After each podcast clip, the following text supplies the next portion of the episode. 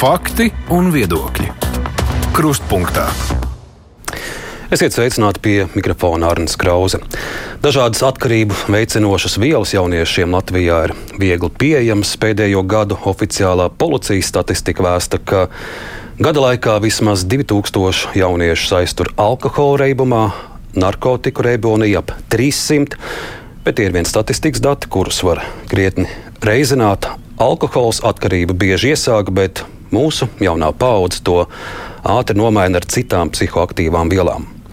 Nav tāda diena, kad neatliekamās palīdzības dienests nesaņemtu izsaukumu par kādu gados jaunu cilvēku, kura dzīvība ir jāglābj pārdozēšanas dēļ. Un ir reizes, kad šis ir iemesls pat vairākiem nāves gadījumiem diennaktī. Narkotiku vielu lietošana jauniešu vidū vēršas plašumā, Kā to apturēt? Par to šodienas saruna kruspunktā. Un studijā esam aicinājuši neatliekamās medicīniskās palīdzības dienesta direktoru Lieni Cipuli. Labdien! Labdien. Rīgas psihiatrijas un narkoloģijas centra narkoloģiskās palīdzības dienesta vadītāju Astrīdu Stirnu. Labdien, Stirnas kundze! Arī valsts policijas organizētās noziedzības, smago un sēriju veidu noziegumu apkarošanas pārvaldes priekšnieku vietnieku Sandi Radziņu. Labdien! Labdien un Veselības ministrijas sabiedrības veselības departamenta direktori Jāna Peldmana ar pie mums studijā. Sveiki! Un arī attālināti mums pievienosies Saimas Sociālo un darba lietu komisijas sabiedrības veselības apakškomisijas priekšsēdētāja un, protams, arī ģimenes ārste Līga Kozlovskas. Sveicināti, Kozlovskas kundze! Labdien! Labdien. Cibuls kundze, sākšu ar jums. Jūsu kolēģis, arī ātrās palīdzības mediķis Rafaels Ciekurs pirms pāris nedēļām redzēja Twitterī, bija viņa ieraksts, kur viņš raksta, kā pagāja brīvdienas, un pats uz šo jautājumu arī atbild. Deviņi pacienti ar narkotiku vielu pārdozēšanu un plus divas zaudētas dzīvības vīriešu vecumā līdz 30 gadiem. Nu, pat ar mēs esam aizvadījuši brīvdienas, garās lieldienu brīvdienas, vai jums jau ir apkopot arī kāda informācija tieši saistībā ar narkotiku lietošanu? Nu, šajās brīvdienās tā, tāds pats apmēram bija izsaukumu skaits, kā ierasts. Līdz desmit izsaukumi katru dienu tiek veikti. Um, jā, diemžēl ir arī pārdozēšanas gadījums ļoti jaunai meitenei, 14 gadu vecai. Ir, um, dažādi ekscesi notikuši arī pēc šī, šīs ārstniecības saņemšanas. Cilvēks guva traumu bēgot no policijas, tad, tad tas viss ir diezgan krāšņi un traki, bet uh, tas galvenais, ko gribu teikt, ka uh, mēs jau arī saskaramies ar tādu viļņveidību, jo mēs zinām, kad ir ienākusies tā, tā krāva, tas pievadums, jo ir dienas, kad uh, tie pat ir vairāk kā 20 izsaukumi vienas diennakts laikā, uh, kad tiešām ļoti daudz ir šo gadījumu. Pēc tam atkal nostabilizējās kādu brīdi, un tad atkal mēs redzam, ienāk jaunās partijas, un, protams, katru reizi, kad ienāk šīs jaunās partijas, mūsu galvenā tā rūpe ir, nu, cik šoreiz šīs te narkotikās vielas būs stipras, jo, ja tās ir kaut kādas jaunas vielas, lietotāji nevienmēr apzinās šīs devas un, un daudzumu, kas ir, kas ir būtu jālieto viņam, ja, un, un tad šie pārdozēšanas gadījumi arī ir biežāki. Un otrs, protams, jā, par to atkal, cik tas ir pieejams jauniešiem, cik mēs redzēsim savos izsaukumos tieši jaunus cilvēkus, studentus, skolānus. Ja mēs sākam ar statistiku, tad arī, tu, arī turpināsim. Mm, Narkotiku vielu lietotāju skaits ir būtiski pieaudzis. To apliecina arī jūsu dati. Ja, piemēram, 2020. gadā ir bijuši 196 izsaukumi mēnesī saistībā ar narkotiku vielu lietošanu, tad 21. gadā tie jau ir 233 mēnesī. Pieaug šī dinamika. Un šogad mēs jau redzam, ka izsaukumu skaits ir atkal pieaudzis. Eh, patiešām, eh, ja mēs runājam par tādu piecu gadu griezumu, tad mēs varam runāt par dubultoju šo, šo skaitu. Tas, ko ir noteikti jāuzsver dienests, eh, tiekās ar šiem narkotiku lietotājiem, tad, kad tiešām ir nopietnas problēmas veselībai, apdraudējums dzīvībai. Tad, tad, ja mēs redzam šādu gadījumu dubultošanos, tas nozīmē, ka nu, tas arī tas lietotāju skaits noteikti ir nu, vairāk kā divreiz pieaudzis noteikti. Mēs šajā stundā nu arī analizēsim, kādēļ tas notiek. Es sarunas turpinā iesaistīšu arī policiju. Ātrās palīdzības mediķi saka, ka viņi burtiski jau uzreiz redz, kur ir prece pievesta. Droši vien gan konkrētas pilsētas, tās ir varbūt pat arī pilsētu rajoni, vai jūs analizējat arī šos mediķu datus un, un izdarat secinājumus un veicat kādus reidus, kontroles? Jā, jo tas nu, perēklis jau ir redzams un zināms. Ziniet, kolēģi no nelikumās medicīnas palīdzības droši vien runājot par šo te, mm, teiksim, tā, pievedumu vai Eh, preces, eh, iespējams, jaunas saņemšanu, ka tas atspoguļas uz šiem lietotājiem. Tas bija visdrīzāk vairāk domāts par šo nitozēnu grupu, jā, šīm vielām ļoti spēcīgajām, kas šobrīd ir aizstājušas, tātad vēsturiski heroīnu aizstāja karfentanīls, un šobrīd jau karfentanīls principā pilnībā no nelegālā tirgus pazudis. Un uh, karfentanīlu ir aizstājusi šī nitozēnu grupa pagājušajā gadā. Uh, Vērtējot no kopējās savāktās informācijas, tās bija te, trīs izotonetizēns, protonetizēns un metonetizēns. Un faktiski tā arī ir, kad, kā arī mēs esam vairāk kārtīgi teikuši, kad šie te mm, nelegālie tirgotāji, ja viņi ir veikuši šīs vielas sajaukšanu, jā, tad viņiem vienam ir zināms skaidrs, ka, ka tur netiek Uh, izmantoti nekādi uh, profesionāli šie sajaukšanas līdzekļi, un ņemot vērā šīs vielas uh, ļoti lielo, spēcīgo iedarbību, un ļoti bieži ņemot vērā to, ka viņi ir pasūtīti ļoti koncentrētā, jā, tā kā vienā no izņemšanām bija 90% šī viela, tad šī sajaukšana ir ļoti nekorekta. Un, plus vēl ņemot vērā to, ka šim tirgotājam ir mērķis tikai viens, faktiski peļņa. Jā, viņam īsti šis lietotājs nav interesants kā tāds.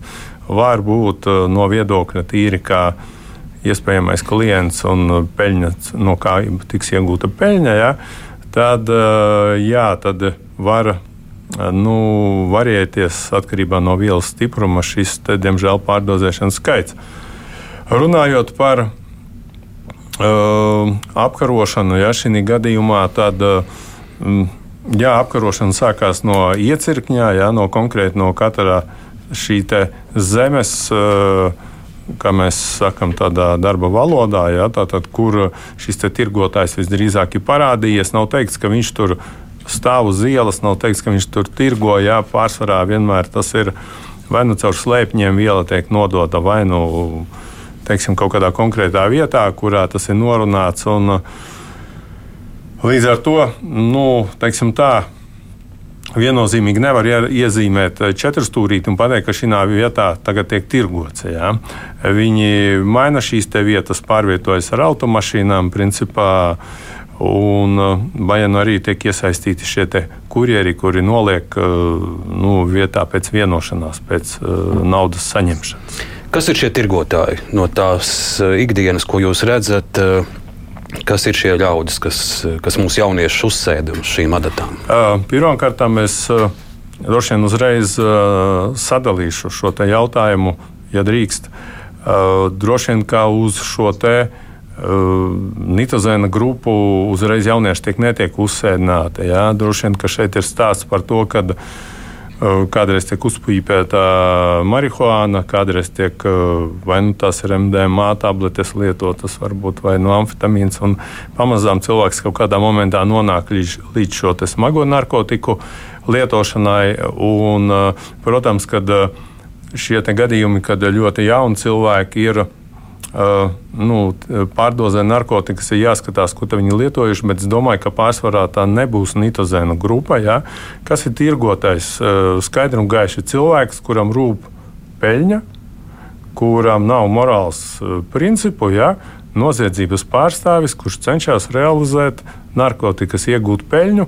Ļoti bieži viņi paši nav narkotiku lietotāji, ja? viņi savu veselību saudzē. Viņi staigā uz sporta zālēm, mm. viņi teiksim, tā, uztur veselīgu dzīvesveidu. Ja?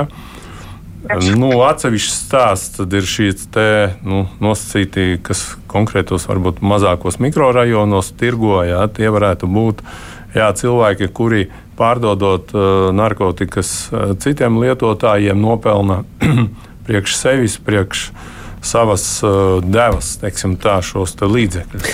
Par tiem narkotiku izplatības kanāliem mēs vēl detalizēti runāsim, dažādi sociālie tīkli, telegrami, bet vēl paliekot pie pašām šīm vielām, es eh, palūkojos intervijas ar, ar, ar jauniešiem, kuri nokļuvuši atkarības lasdā pirms gada sabiedriskajiem mēdījiem. Latvijas radio arī plaši pievērsās jauniešiem un narkotikām, un tur vairāk jaunieši stāstīja. Viņiem vaicāja, nu, kas tad ir tās vielas, kuras jūs lietojat, un, un kas ir tās pieejamākās. Un, Jaunieši, te, jaunieši sauc tautas valodā mefedrons, tā esot populārākā deva, maksājot 15 eiro, tad esot kaut kāds suns.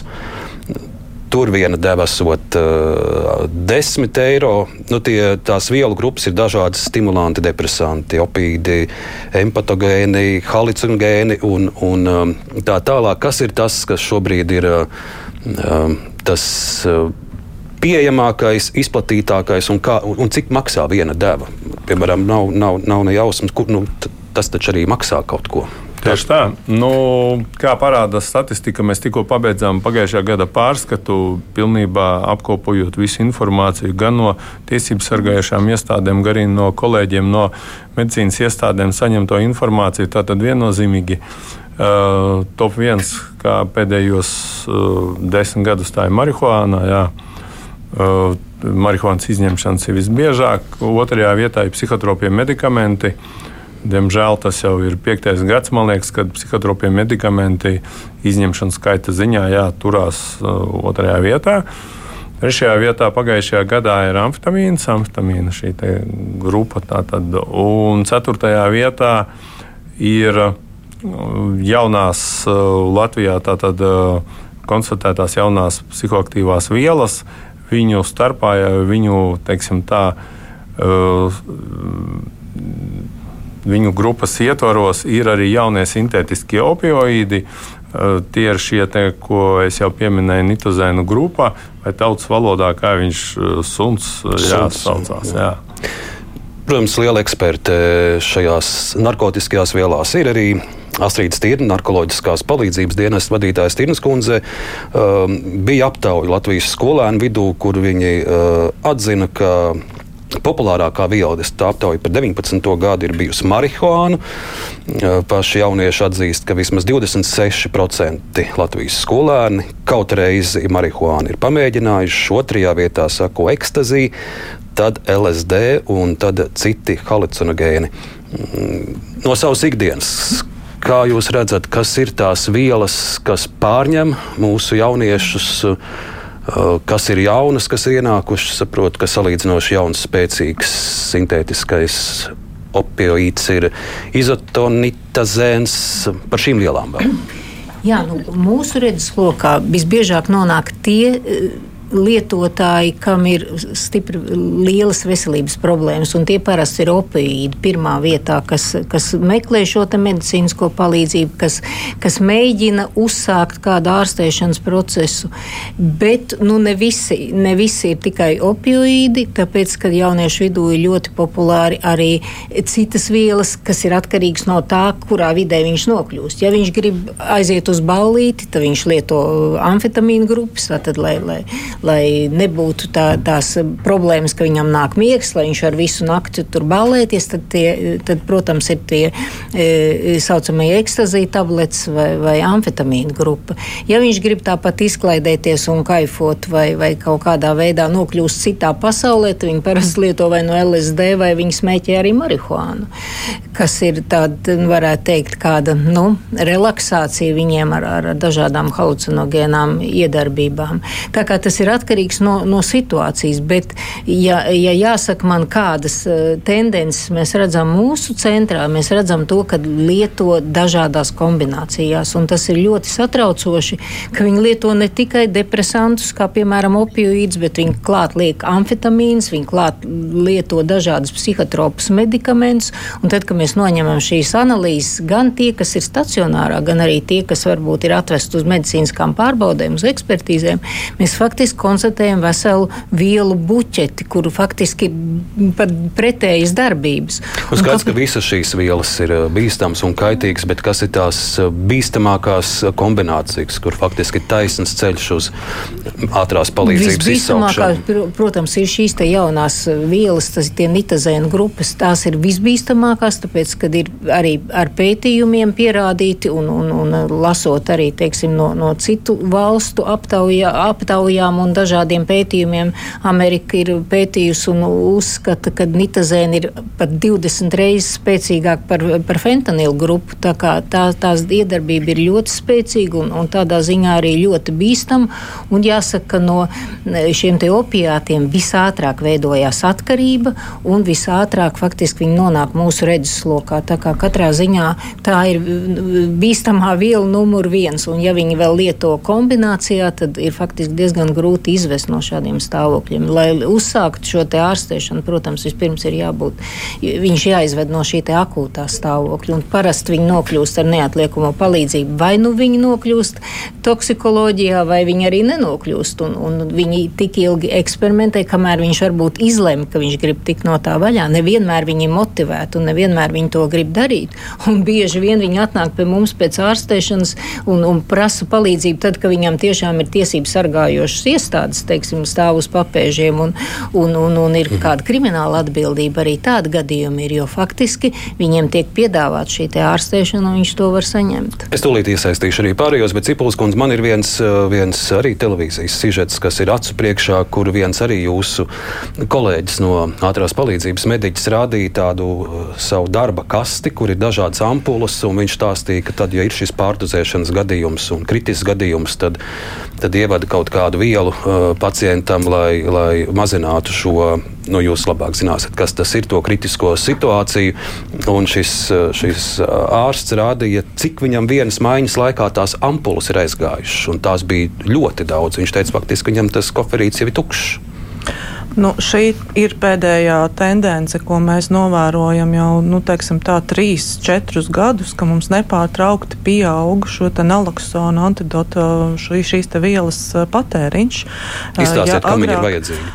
Nu, tad, tad viņa ir pretdarbojās tām vielām, ko ir šis pacients lietojis, un mums ir iespēja izvest no tādas pārdozēšanas stāvokļa laicīgi šo antidotu un vajadzīgā daudzumā ievadu. Tātad pacients var atgriezties dzīvē un, un un, un tā, kas bieži arī notiek, un nevienmēr nonāk stacionārā, diezgan bieži tiešām atžirkst un, un, un dodas prom no brigādes. Bet tas, kas tiešām uztrauc, tātad divas lietas ir šis kopējais, gan izsaukumu skaita pieaugums, gan tā, to izsaukumu skaita pieaugums, kuros mums jālieto šāda te, šādi šis te medikaments, un otrs, ka mums viena izsaukuma laikā pieaug katru gadu šo nepieciešamo medikamentu daudzums. Tas nozīmē, ka šīs eh, nu, pretvielas ir vajadzīgas vairāk. Ja mēs agrāk vidēji izsaukumā lietojām apmēram 4 ampulas, tas ir vidēji, tad nu, jautājums no 1 līdz 6, eh, 7. Tad pašlaik mēs jau runājam, ka vidēji šis ir 7 ampulas uz izsaukumu, un ir izsaukumi, kur tās pat ir 11. Tātad uh, ir nepieciešams ļoti liels šis uh,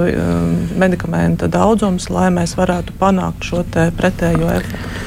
Sarunā iesaistīšu arī Līku Zlovsku no Sājumas un arī Feldmanas kundzi no Veselības ministrijas. Mūsu uzsvars šodien ir uz narkotiku lietotājiem jauniešiem. Eiropas skolu aptauja par alkoholu un narkotikām liecina, ka Latvijā ir viena no augstākajiem rādītājiem kas liecina par lietošanu.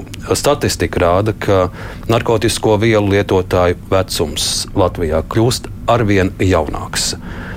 No politikas eh, dokumentu veidotājiem kāds. Eh, vai jūs esat šo signālu pamanījuši? Es domāju, ka, protams, ka esat. Eh, kādai rīcībai būtu jāsako gan no saimnes puses, no likumdevēja, no ministrijas puses? Feldmans kundze, sākšu ar jums. Jā, protams, ka mēs uh, atzīstam, ka šī ir uh, ļoti būtiska sabiedrības veselības problēma.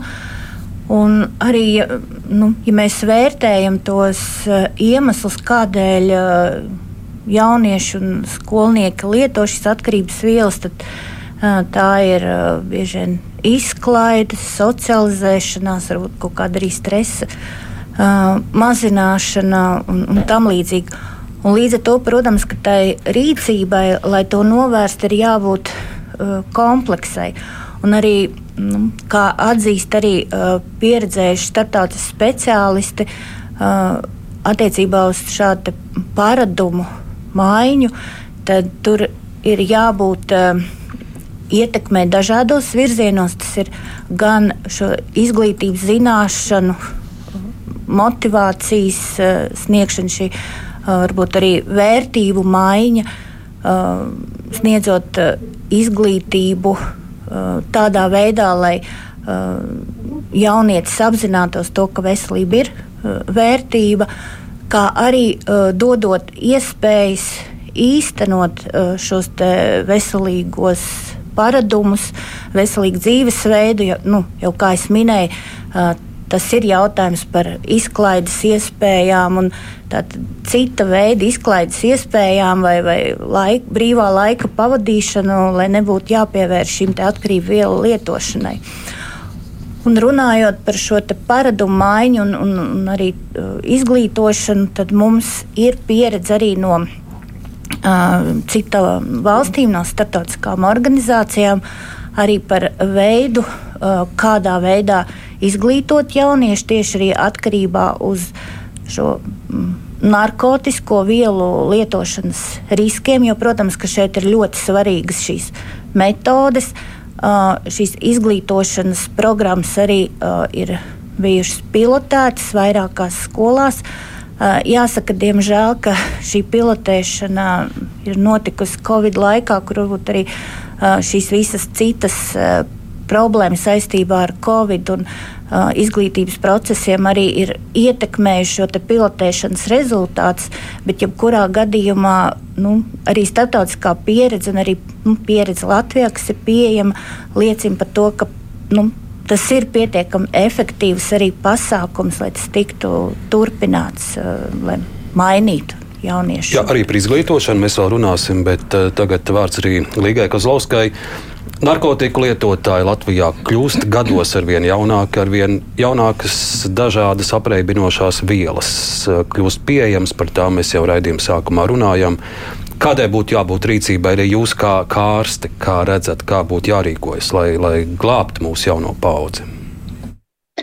Nu, pirmām kārtām runāšu kā ģimenes ārsts, jo ikdienā tiešām redzu savus jauniešus, arī pat bērnus, es gribu teikt, ar šādām dažādām atkarības problēmām, kas ir lietojuši. Es, es, ne, es nevaru noteikti pateikt tieši kādas vielas viņi ir lietojuši, jo es kā ģimenes ārsts, diemžēl, to nevaru noteikt, bet es to varu noteikt pēc viņu uzvedības, pēc viņa simptomiem, un, un dažreiz ir tā ir ļoti arī liela agresija. Īstenībā ir šo dažādo vielu lietošanas iespaidi. Pēc būtības, tā, kā jau arī kolēģi minēja, e, tas e, savā veidā jaunieši e, šīs vielas, dažādās arī psihotropās vielas, gan arī šīs narkotiskās, arī jaunās nitazēna grupas vielas pamatā jau lieto arī pieaugušie, kā savā veidā, kā antidepresantu, es tā gribētu teikt, bet šis antidepresants tajā pirmajā mirklī pēc tam aiziet jau ļoti nopietnās atkarībās, un tas var aiziet līdz nāvei. Un ka, ko mēs varam darīt? Nu, dabiski mūsu, piemēram, arī Lauku ģimenes ārstu asociācija daudzu gadu garumā ir aicinājusi atpakaļ ieviest izglītības sistēmā veselības mācību, nevis šī gadījumā runājot, kā mm, Feldmanis kundze teica, ka mums nevajadzētu iet tikai uz pilotu projektiem, jo tie, tā nav sistēma. Sistēma, sistēmiskā pieeja ir veselības mācības skolās un pirmskolas iestādēs, dab, bet dabiski mēs tagad šo rezultātu uzreiz rīt un parīt nu, neiegūsim, diemžēl. Un, un tādēļ ļoti svarīga, svarīga jau nu, likumdošana, likumdoši, likumi mums ir, un šī gadījumā es gribu teikt vienu tomēr ļoti nu, politiskā līmenī labu patreiz lietu, ka vismaz mēs esam iesākuši ilgi diskutēto tabakas un tabakas izstrādājumu likumu grozījumu, nu mēs esam panākuši otrajā lasījumā. Un, un, un, jo tieši jaunieši, kā viņi iesāk lietot šīs dažādas atkarības vielas, viņi visbiežāk uzpīpē. Ja? Veipus lieto, viņiem, viņiem rodas kaifs, viņi ļoti e, priecīgi un laimīgi, un pie tam ar smaršami, smaržām šīs vielas lieto. Tā kā visādā ziņā šie ierobežojumi pirmajā likumdošanas tādā fāzē, es domāju, ka mēs esam nu, panākuši gana labu pirmo soli. Bet attiecībā uz e, narkotisko E, vielu teiksim, apkarošanu. Nu, pirmais e, ir nepieciešams tas, kas bija veselības ministrijā jau e, gada sākumā iedots arī valdībai, tātad narkotisko vielu apkarošanas plāns. Un šim plānam bija paredzēti arī noteikti līdzekļi, savukārt arī noteikti doktora Stīrna vēl vairāk papildinās, ka mūsu Latvijā nav atbilstošas aparatūras diagnostikas, ap, no tādas mūsdienīgas diagnostikas aparatūras, kas varētu uh, palīdzēt ātrāk un, un vieglāk noteikt šo dažādo vielu maisījumus. Līdz ar to arī pieņemot e, attiecīgus ārsteišanas soļus. Nu, un pats par sevi, ja mēs runājam, tātad pirmais solis ir tātad ir šī veselības mācība, otrais solis ir diagnostika, trešais ir ārsteišanas iespējas. Un ārsteišanas iespējas, eh, diemžēl, arī mūsu valstī mm, eh, nu, ir dažādu iemeslu dēļ nav, mm, nav kvalitatīvi, neteiksim kvalitatīvas, bet eh, pieejamas, tā teiksim. Kvalitāte, kvalitāte ir, ir narkologu rokās, un tas arī mums ir, bet pašu narkologu nav pietiekoši.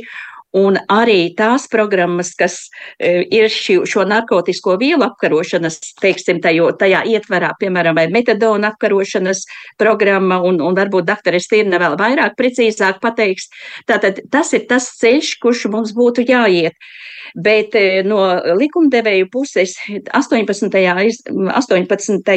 aprīlī mums ir Sabiedrības veselības apakškomisijas sēde par psihiskās e, veselības plānu, un, un kā šo plānu vispār varēs virzīt, ja pat, patreiz, diemžēl, arī, jo psihiskā veselība ir ļoti saistīta ar um, narkotisko vielu atkarības programmu.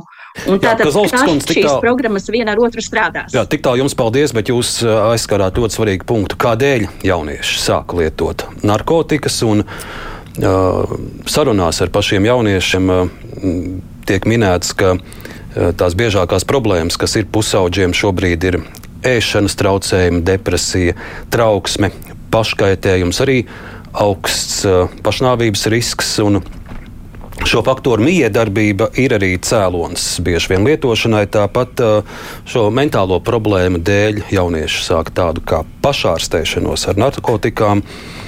Un tas ir kā cikls, tāds arī šī pašārstēšanās arī izraisa. Pēc tam arī šīs mentālās problēmas. Es lūkojos pirms gada Latvijas radio intervēja Jālgaus slimnīcas narkoloģijas nodaļas jauniešu motivācijas programmas psiholoģi Sandru Silkāni. Un viņa teica šādus vārdus: Lielākoties, ko es esmu dzirdējusi, ka, piemēram, Mama ir jauna ģimene, viņa ir šķīrusies, un jaunietis bērns ir no pirmās laulības. Viņai ir jauns vīrs, citi bērni, un tas bērns jau mazliet ir atstāts novārtā, un viņam ir veltīta mazāka uzmanība. Un bērns, lietojot narkotikas, mēģina pievērst sev uzmanību un nonākt tur, kur nonāk vidē, kur viņu uzklausa, un ir tādi paši bēdu brāļi lielākoties. Par iemesliem, kādēļ jaunieši sāk šo narkotika atkarības ceļu. Es, protams, to vaicāšu Tirnas kundzei, bet, bet arī no policijas puses gribētu dzirdēt. Jūs, protams, jau strādājat ar tām sakām, bet, bet arī jūs noteikti nu, esat runājuši, mēģinājuši izprast uh, šo jauniešu dzīves ceļu, kādēļ viņi šajā atkarības cilpā ir nonākuši. Kas ir tas, ko jūs redzat?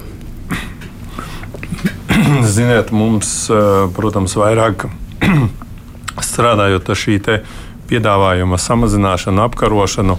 Mums jau, es teiktu, ka vairāk uh, trāpās, nu, atsevišķi, protams, šie arī klienti, kuri ir uh, iegādājušies gan sev, vai arī iegādājušies tālākai pārpārdošanai, bet uh, nu, faktiski tie ir tādi cilvēki, kas apzināti saprot, ko viņi pērk, priekš kā viņi pērk, ļoti bieži mums arī šī te, runājot tieši par kriminālu policijas darbu, nav šī te, nu, diskusija neveidojas savā starpā. Jā. Cilvēki nepārāk grib atklāties. atklāties teiksim tā, jo Tas jau skaidrs, ja mm, būs šis kontakts un cilvēki atklāsies, viņiem jāstāsta tad ir vairāk jā, par, arī par visiem citiem apstākļiem, kur kas ko.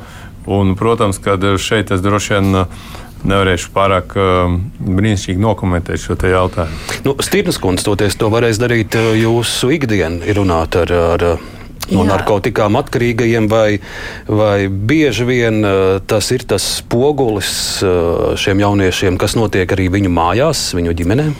Jūs zināt, es gribētu pievērst uzmanību tiem jauniešiem, ar ko viņi sāk vispār šīs apreibinošas. Viņi uzreiz nesāk ar, ar, ar fentanilu vai heroīnu vai kādām citām stiprām apreibinošām vielām. Viņi sāk ar tiem pašiem veipiem, kā, kā, kā mēs ļoti labi zinām, kas notiek tagad skolās. Viņi, viņi lieto alkoholu, un tad viņi pame, pamazam meklē kādus citus spēcīgākus apreibinošus līdzekļus. Un tāpēc ne par velti saimā arī notika diskusija par to, kad vajadzētu šīs apreibinošās apgrūtināšās vielas, tā skaitā tabaku un, un, un veipus un alkoholu, tomēr atļaut tirgot no 21 gadu vecuma, tad, kad viņš ir pabeidzis skolu un tad, kad viņam ir iestājusies tiešām tāda pilngadība un, un arī mazāk skaitējums būs tai veselībai jaunieši mīl eksperimentēt. Pie tam viņi eksperimentē ne jau vienatnē. Viņi bieži vien eksperimentē baros, un, un, un viņi negrib viens no otra atpalikt. Viņi ar vienu grib kaut ko jaunu pamēģināt. Un ar to viss tas sākās. Un tad, protams, tad, kad es pilnīgi piekrītu visiem tiem iemesliem, kāpēc viņš uzsāk lietot, tur ir depresijas, tur ir dažādi konflikti, varbūt ģimenē, arī klases biedru starpā, varbūt viņš negrib būt tas baltais zvirbulis. Tā kā tur ir vesela pakete, kāpēc viņš to sāk lietot. Bet faktiski nonāk tur, kur viņš nonāk ar, ar šo vielu lietošanu un eksperimentēšanu. Tā kā droši vien Mēs katrs atsevišķi droši vien nevarēsim to visu novērst. Mums ir jāstrādā kopā vienā komandā. Jāstrādā gan uz pieprasījuma samazināšanu, gan uz piedāvājuma samazināšanu, un, protams, arī uz izglītošanu.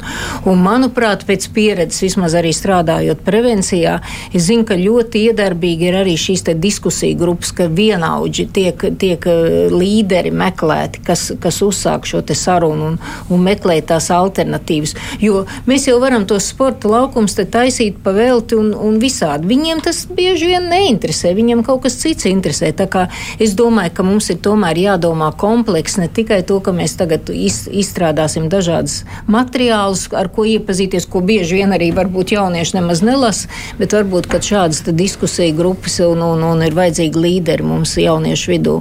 Tas, protams, un vēl viens aspekts, par kur es vēlējos jūs uzrunāt, tā ir apreibinošo vielu nu, kā normalizēšana popkultūrā vai, vai sociālajos mēdījos. Strauji pieaug digitalizācija un pusauģi mm, bieži vien mazāk dzīvo savu īsto dzīvi, vairāk tie ir sociālie mediji, laiks telefonā, planšetē. Un, un arī tas droši vien ir liels spiediens uz pusaudzi, uz, uz, uz jaunieti. Mm. Pro, nē, protams, es tikai gribēju papildināt, ja kādreiz mēs runājam par to, ka alkohols ir mūsu viena no kultūras pēdiņās sastāvdaļām, ka bez alkohola neko, tad tagad jaunieši tieši otrādi viņi dažādas viedierīces lieto, viņi turpat arī var to visu pasūtīt, un it sevišķi tas ļoti spilgti parādījās Covid laikā, tad, ka varēja visu darīt attālināt, un, un, un pieaugušie lietoja alkoholu mierīgi strādājot pie datoriem, un, un, un, un jaunieši veidoja veipoja. Tā kā es domāju, ka tās jaunās tehnoloģijas, kas ir ienākušas iekšā, protams, viņas ir diezgan neatgriezniskas, jo nekur mēs no viņām neizbeigsim, bet katrā ziņā mums tomēr ir arī jāsāk varbūt ar ģimeni. Ir visādas ģimenes, protams, bet pārsvarā tomēr ir ģimenes, kas varētu sekot saviem jauniešiem līdzi. Nevis tad, kad viņš jau ir sācis kaut ko pīpēt vai ostīt, bet tad, kad viņš ir, teiksim, es nezinu, bērndārs vecumā, pat arī tad jau viņi, viņi sāk, sāk pierast pie šādām te, dažādām tehnoloģijām, kas tomēr būtu kontrolējams. Un te ir vēl viens stāsts, labojiet, ja tā nav, bet cik es raugos arī no, no statistikas un no, no ekspertu teiktā, ka ka jauniešiem šobrīd nemaz tik stilīgi tieši alkoholu lietot vairs nesot, ka tas alkohola patēriņš uh, krietni samazinās. Un tā daļai ir problēma varbūt gan vecākiem ģimenē, gan pedagogiem skolā, jo ja tu esi lietojis alkoholu vai vai es nezinu, pīpējis uh, cigaretes, nu, nu var sajust, uh, vairāk vai mazāk var sajust, un, un, un, un, un tas ir tāds kā trauksmes zvans, bet, bet šīs modernās, tās visas karsējumās tabakas vai vielas, ka, ka ir, ka ir ļoti grūti pieķert to pirmo brīdi, kad jaunietis sāk lietot. Tā ir.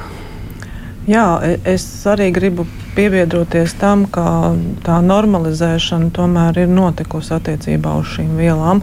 Jo, ja mēs runājam, ka cigaretes un alkoholu viņš nevar iegādāties, tad uh, internetā var diezgan brīvi iegādāties jaunieši dažāda veida vielas, diemžēl. To arī ir daudz grūtāk izkontrolēt.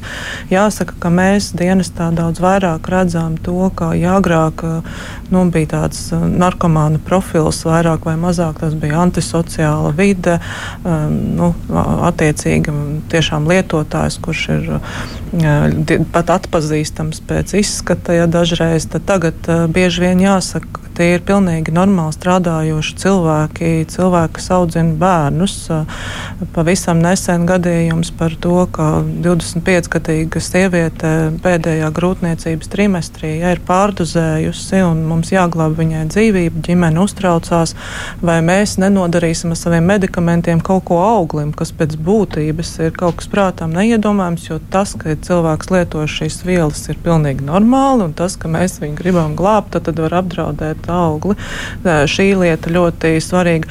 Par jauniešiem runājot, viennozīmīgi tā pieejamība ir viens no mūsu lielākajiem izaicinājumiem, jo kā pusauģa mamma varu teikt arī to, ka patiešām bērni zina, kur var dabūt, zina, kā iegādāties, zina, pie kā vērsties savā skolā vai savā rajonā, kur viņi dzīvo. Un bieži vien man jāsaka, ka tas tiešām nav saistīts, ka bērns tur depresijā vienkārši padomāja, tagad es lietošu medikamentus, lai mazinātu savu savu depresiju, viņi to dara barā, lai būtu kopā, lai socializētos. Viņu socializēšanās prasmes ir stipri cietušas, mums jāatzīst. Tātad Covid laiks un jau iepriekš šīs digitālās ierīces noteikti ietekmē to, ka viņiem ir problēmas, viņiem ir grūtāk atraisīties, grūtāk sarunāties, un lietojot šīs vielas, viņi, viņi iegūst zināmā mērā šo iespēju savstarpēji socializēties. Un es domāju, ka tas ir ļoti liels izaicinājums eh, šajos apstākļos ar to pieejamību un arī to, kā, kā pasaule pašlaik ir uzbūvēta, ietekmēt šos procesus, kā jaunieši nonāk līdz šīm vielām.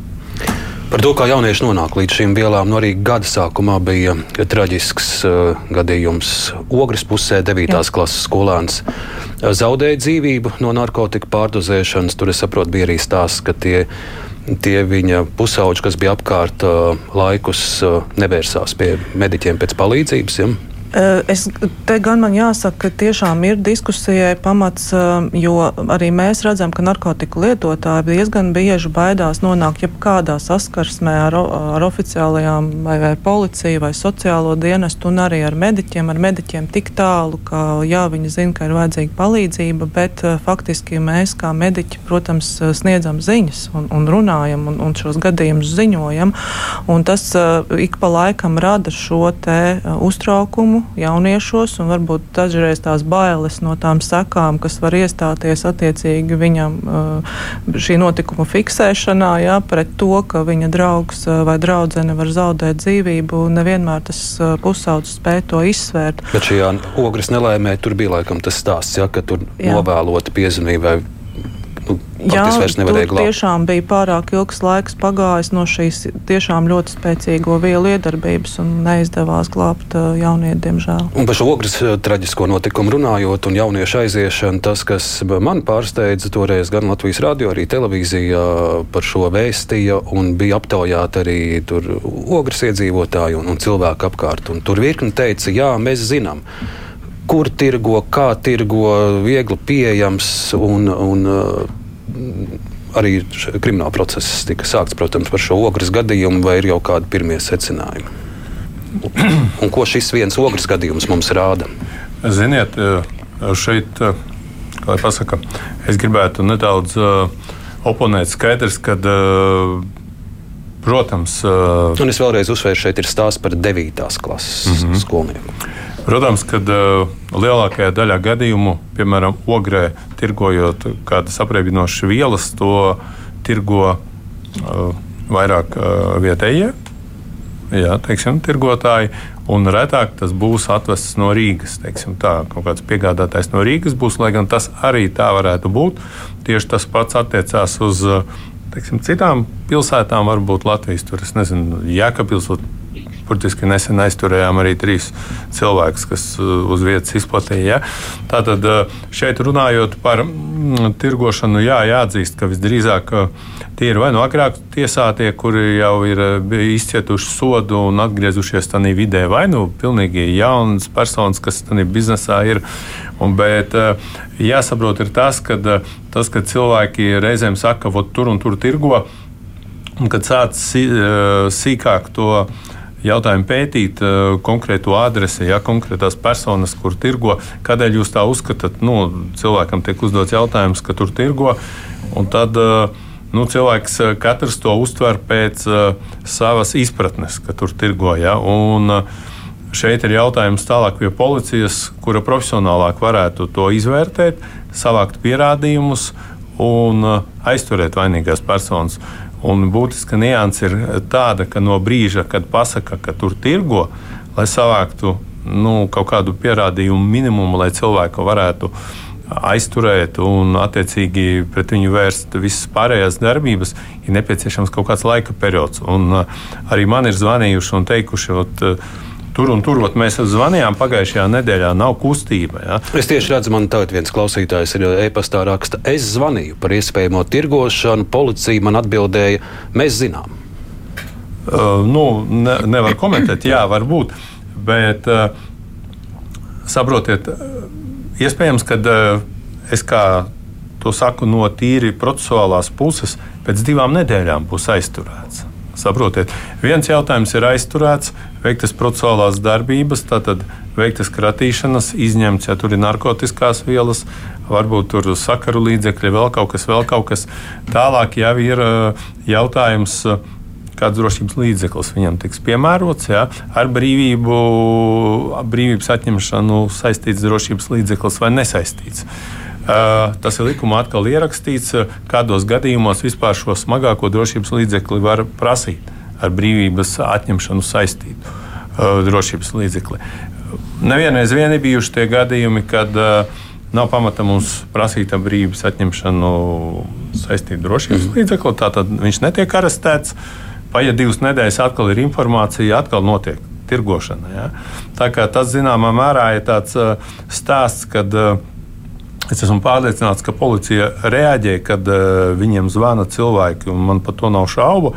Un es arī Un tur iespējams ir kādi gadījumi, ka jūs nogaidat, lai varētu kādu lielāku partiju varbūt savākt. Bet vēl svarīgs viens aspekts ir par, par šo narkotiku pieejamību. Droši vien pagājuši tie laiki, kad uh, narkotikas varēja centrāli tirgu vai zem tilta nopirkt. Šobrīd ir šie jaunie digitālie kanāli vai telegrami.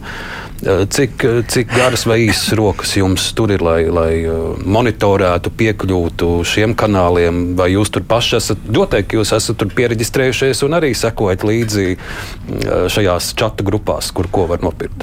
Es nezinu, es tā minu. Jā, nu, zinat, tieši tāpat kā kolēģi jau divreiz pieminēja, Covid laiku man nāksies vēlreiz viņu pieminēt. Uh, visiem mums nākas atzīst, arī tiesību sargājušām iestādēm, ka Covid laiks šos virtuālos tīklus ir, un virtuālos veikalus ir aktivizējuši desmitkārtīgi. Pat. Un viņu attīstībā lielās Eiropas aģentūras atzīst, ka šajos gados viņi tādā tempā kā līdz Covidam attīstījās. Tā attīstība ir desmitkāršojusies. Ja? Un, nu, negribu šī gadījumā prezentēt, jā, bet diemžēl tajā patiešā tumšajā internetā. Uh, tie, kas tur ložņā, tur var pa, pasūtīt šīs vielas, turpat piedāvā, no kuras valsts jūs gribat, lai jums piegādā. Ja? Teiksim tā, nu, būsim reāli, mēs esam Eiropā, ja? mums nav iekšējās robežas, ja? mūsu kolēģi vidā cīnās ar šiem pasta sūtījumiem, ja? kuros bieži vien nav norādīta īstā viela, kas tur atrodas iekšā. Ja? Un, teiksim, tā, tādā veidā, kā viens no variantiem, kā vielas nokļūst uh, valstī, autoceļi. Nu, lidostas mazāk, jā, bet uh, kravas pārvadājumi nekas nav mainījies. papildus digitalizējies. Tātad vielas var pasūtīt bez kontakta, var saņemt bez kontakta caur slēpņiem, diemžēl. Telegram čati, izveidot telegramu čatu, tas ir burtiski sekundžu laiks. Ja? Un šī gadījumā, protams, kad krimināla izlūkošana notiek, tas ir viens no ļoti svarīgiem faktoriem. Bet skaidrs, ka mums pierādīšanas latiņu neviens nav samazinājis attiecībā par cilvēka vainu, ja, kad viņš ir tieši teiksim, šis te tirgotājs. Līdz ar to nu, jā, nākas mums uh, vairāk resursu tērēt šobrīd, lai iegūtu pierādījumus cilvēku šai noziedzīgai darbībai. Vēl viens īsās šobrīd skolas vismaz mēģina, nu, lai tā skolas teritorija vismaz ir brīva no, no narkotikām, no veipiem, no, no dūmiem. Es brīvdienās lasīju arī par vienu, vienu Rīgas skolu, kur, kur um, direktors saka, ka būs nulle tol tolerants, ja tiks uh, kāds pamanīts ar kādu kaut vai pat uh, somā kādu šo uh, karsējumu tabaku vai veipu. Es zinu, ka policija veic arī noteku ūdeņu monitoringu, kur var redzēt pat uh, diezgan detalizēti, kādas narkotikas tiek lietotas. Vai jūs šādu monitoringu veicat arī ap izglītības iestādēm? Ziniet, uh, jā, ir jau drīz jau būs pieci gadi, kā šis monitorings notiek. Tik tiešām tā ir laba un progresīva lieta, bet uh, jāņem vērā, ka viņa visu laiku tiek attīstīta. Tas ir pietiekoši arī dārgs process. Un uh, īsti mēs nevarēsim nodalīt tā katru skolu vai, teiksim, vai pa divām skolām. Jā, ir uh, konkrēti mm, nu, teiksim, iecirkņi, kuros tiek savākti šie notekūdeņi. Skaidrs, ka uh, notekūdeņi ātrāk parāda jaunu vielu klātbūtni nekā oficiālā statistika. Mm -hmm. Jā, nu, to arī atzinuši tādas. Uh, nu, diemžēl negatīvajā ziņā narkotiku lieltirgi kā Nīderlande un Beļģija, ja no sākuma redz notekūdeņos šīs narkotikas jaunās, pēc tam tikai viņas sāk tikt izņemtas uz ielām. Mums klausītāji raksta, ka ķekavā, piemēram, skolā bērni zina, ka nākamajā dienā skolā būs reids. Un, un faktiski līdz ar to tas ir diezgan bezjēdzīgs. Stīrnas kundze pēdējā laikā ir arī arī ekspertu viedo, vidū dažādi viedokļi par to, cik efektīvi ir šādi reidi, piemēram, ar suņiem izglītības iestādē. Ka, ka ar biedēšanu vien neko tam jaunajam cilvēkam neiemācīs. Viņš tikai iegūs bailes, bet, bet mm -hmm. faktiski tas rezultāts nekāds īpašs nebūs. Reidi skolās vai, vai izglītojošas lekcijas, kas mm -hmm. ir mhm. efektīvāks? Jūs zināt, nu, vienu metodi mēs nenosauksim, un es zinu, ļoti daudz iedarbojās uz jauniešiem tiešām arī tā negatīvā informācija. Piemēram, savā laikā mēs taisījām arī filmas par narkotiku lietotājiem un tām sekām. Es ne, nevarētu teikt, ka viņi bija be, nenozīmīgi un ka nebija efekts. Bija efekts, bet, protams, ka ne, mēs nevaram izraut no konteksta parādīt filmu vai atnākt ar suni uz skolu. Tas ir jādara kompleks. Mums ir jā, jādomā, vai tās ir veselības mācības, vai tā ir eh, kāda, es nezinu, diskusijas grupas, bet droši vien, ka diez vai katrs klases audzinātājs būs spējīgs runāt par šo tēmu, un, un tur vajadzētu tomēr domāt par šīm veselības mācībām. Bet tas ir jādara kompleksi. Mēs nevaram pateikt, ka suns vai, vai tur reidi ir neefektīgi, bet lekcijas lasīsim un viss būs efektīgi. Tas ir jādara kopā. Es domāju, ka jā, ir, ir, ir kā nu kuram bērnam, citam ir vizuālais, tas ļoti iespaidojas. Es atceros, ka bija mums tāda filma Nāves mušpapīrs, ko jaunieši pēc tam bija ļoti, ļoti, nu, varētu teikt, emocionāli satraukti un pat, pat, pat tā kā Jā, es, es domāju, ka tas ir viss ļoti pareizi, ko daru, es nedomāju, ka mēs tagad kritizēsim vienu pieeju un citu nav efektīvi. Tas ir jādara kompleks. Noteikti. Es tirnas kundze sadzirdēju, jūs teiktā, ka, ka jaunieši ietekmējas arī no negatīvām ziņām. Jūs, prāt, nu, mēdī, protams, ziņo arī par no ātrās palīdzības, par saņemto informāciju, par par atdzīvinātiem, par mirušiem jauniešiem. Tas, tas būtu jādara, varbūt ar tiem vēl skaļākiem virsrakstiem, tas, tas ietekmē šo jauno cilvēku. Nu, nevienmēr. Man Jā. liekas, ka mūsu jaunieši nevienmēr mācās no citu kļūdām. Viņi bieži vien tikai no, no savām kļūdām mācās. Bet es domāju, ja, ja viņi to, to dzird un redz, un, un varbūt viņu vienaudžu vidū tas notiek, tas arī, protams, strādā.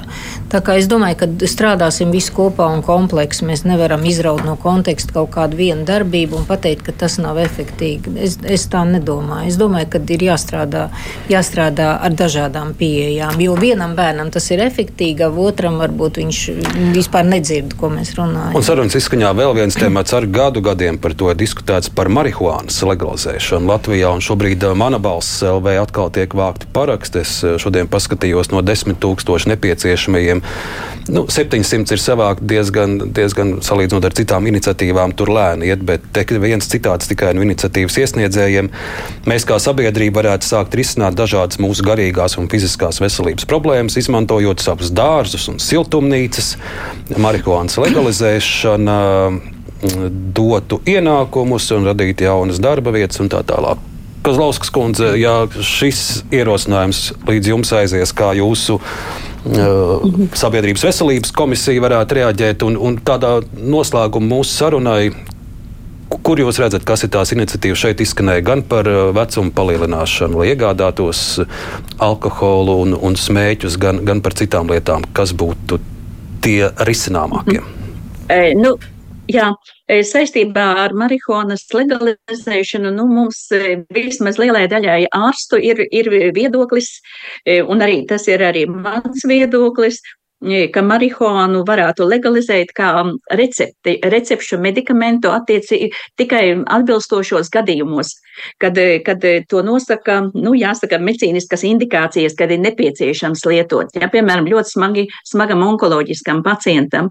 Bet tā, tā ir atsevišķa saruna, bet nekādā ziņā es neesmu par to, ka mēs tagad marihuānu tagad audzētu, piemēram, dārzos. Ja? Bet tas, ja marihuāna ir kā recepšu medikaments, tādā gadījumā tas ir noteikti diskusiju objekts um, pie noteiktām slimībām.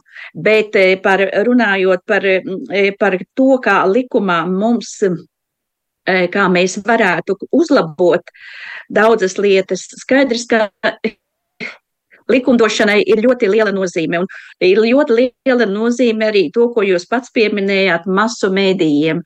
E, es, es par masu mēdījiem stāvu un krītu, tikai nevarētu teikt, ka e, tiešām vienmēr sliktā ziņa ir laba ziņa. Ja? Nu, tas, ir, tas ir arī drusītiņās vienmēr jāizvērtē sevišķi attiecībā uz jauniešiem.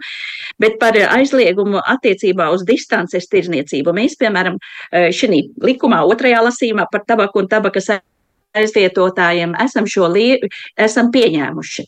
Un tas jau ir ļoti labi, tikai e, te atkal ir tā, tā, tā, tas, tas jāsaka, tas burvju loks mums ir jāstiprina iekšlietu ministrijas, jāsaka, kapacitāte, lai tī, lai kolēģi, jāsaka, no tiesību sargājušām iestādēm varētu šo, nu, jāsaka, arī kontroli veikt. Tādēļ, kā arī Stirnas kundze teica, tas ir kopdarbs. Tas ir kopdarbs, un mēs noteikti tūlīt skatīsim e, par šo tabaku un tabakas līdzīgiem izstrādājumiem šo likumu trešajā lasījumā sākumā līdz 16. Eh, maijam vēl ir priekšlikuma iesniegšana, bet es domāju, ka vismaz ehm, jāsaka jau tas solis, ka līdz 20 gadiem ir pagari, pagarināts šis, ehm, jāsaka, ierobežojums lietot skolās šīs aromatizētās um, tabakai līdzīgās ierīces, elektroniskās cigaretes un nikotīnas pilventiņus. Es domāju, jau tas ir viens arī tāds labs, liels solis uz priekšu, bet dabiski iesim līdz 21 gadam, bet, bet jāiet kopā, nu, jā, jāsaka,